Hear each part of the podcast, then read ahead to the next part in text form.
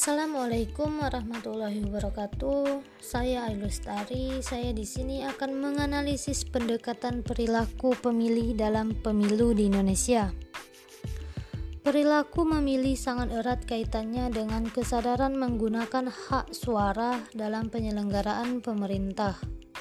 Dalam konteks demokrasi, perilaku pemilih dalam menggunakan hak suara diharapkan dapat bersifat rasional dan mampu melahirkan aktor-aktor politik yang handal sehingga para aktor politik itu mampu melahirkan keputusan-keputusan politik yang strategis untuk membantu negara bersaing di dunia internasional. Pada konteks pemilihan umum, perilaku memilih merupakan suatu tindakan yang bersifat individual. Ini disebabkan adanya otoritas penuh kepada individu yang telah memenuhi persyaratan khusus sebagai warga negara untuk menentukan sendiri politiknya. Dalam hal ini, sering disebut pemberian suara atau voting.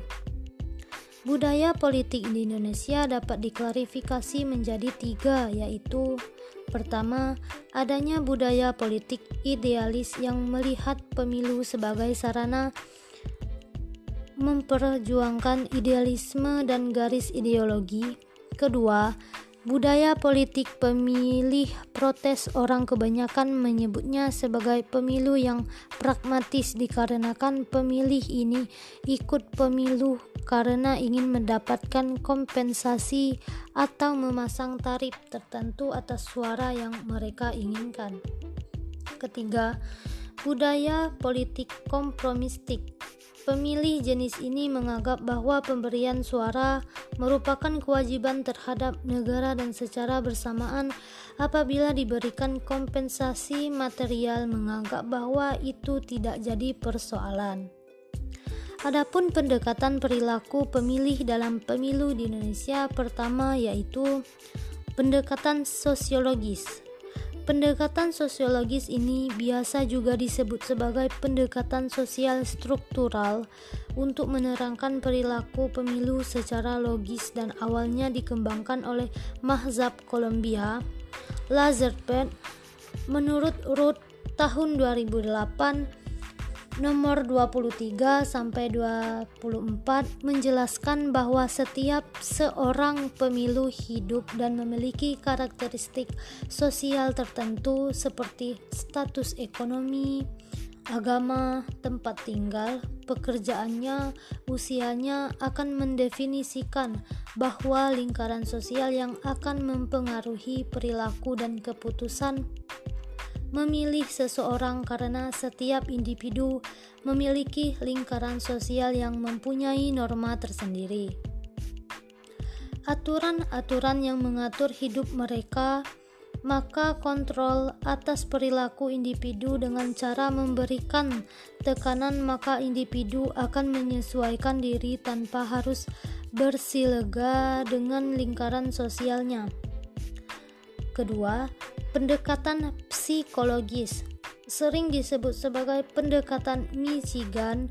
Pendekatan ini menempatkan individu sebagai pusat perhatian menurut Ruth tahun 2008 nomor 37. Selain itu, juga ditegaskan bahwa keanggotaan psikologis dalam partai yang dapat diukur dengan dalam bentuk variabel identifikasi, partai turut mempengaruhi pilihan politik atau perilaku pemilih atau pengaruh jangka panjang. Persepsi dan penilaian pribadi terhadap sang kandidat atau partai politik dan tema-tema yang diangkat pengaruh jangka pendek sangat berpengaruh atas pilihan politiknya pada pemilu dapat disimpulkan pada pendekatan ini variabel jangka pendek dan variabel jangka panjang berpengaruh dalam menentukan pilihan politik. Ketiga, pendekatan pilihan rasional atau rational choice. Menurut Downs, pemilih yang rasional adalah hanya menuruti kepentingannya sendiri atau kalaupun tidak akan senantiasa mendahulukan kepentingannya sendiri di atas kepentingan orang lain yang disebut egois.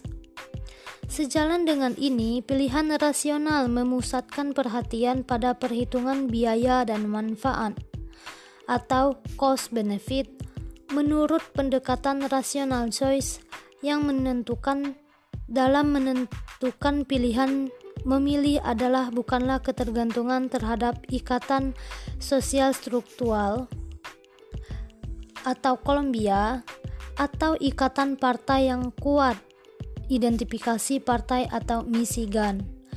Namun, hasil dari proses penilaian rasional dari individu yang cakap, hal lain yang dijelaskan oleh Elster dalam Mars dan Stroker bahwa sebenarnya inti sari dari pilihan rasional atau rational choice adalah ketika dihadapkan ke beberapa jenis tindakan, orang biasanya melakukan apa yang mereka anggap dan yakini.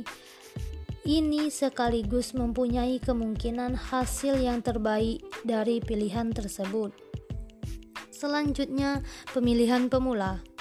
Menurut Undang-Undang Nomor 10 Tahun 2008 Pasal 19 ayat 1 dan 2 serta Pasal 20 pemilih pemula adalah warga negara Indonesia yang pada dasarnya pemilihan atau pemungutan suara adalah warga negara Indonesia yang sudah genap berusia 17 tahun atau lebih atau sudah pernah menikah yang mempunyai hak pilih dan sebelumnya belum termasuk pemilih karena ketentuan undang-undang pemilu mayoritas pemilih pemula adalah pelajar SMA, mahasiswa dan pekerja muda.